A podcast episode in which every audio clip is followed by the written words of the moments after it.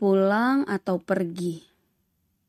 Di bus itu, jalanan mulai berkelok-kelok, sopir dan kondektur berbicara bahasa yang aku tidak mengerti, sama seperti rindu.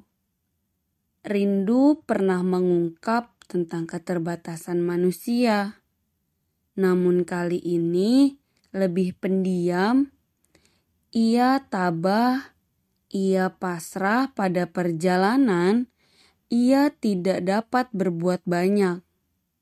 Namun, segan terhadap bus, beca, kereta, jarak-jarak, lagu-lagu Linkin Park. Beberapa jam kemudian, aku tidak tidur sama sekali. Ia membuatku terjaga.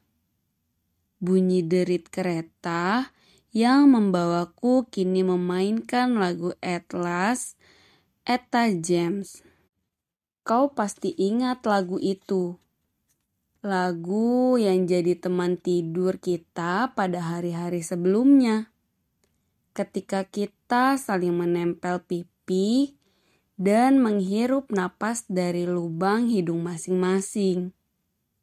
Rindu masih membuat aku terjaga.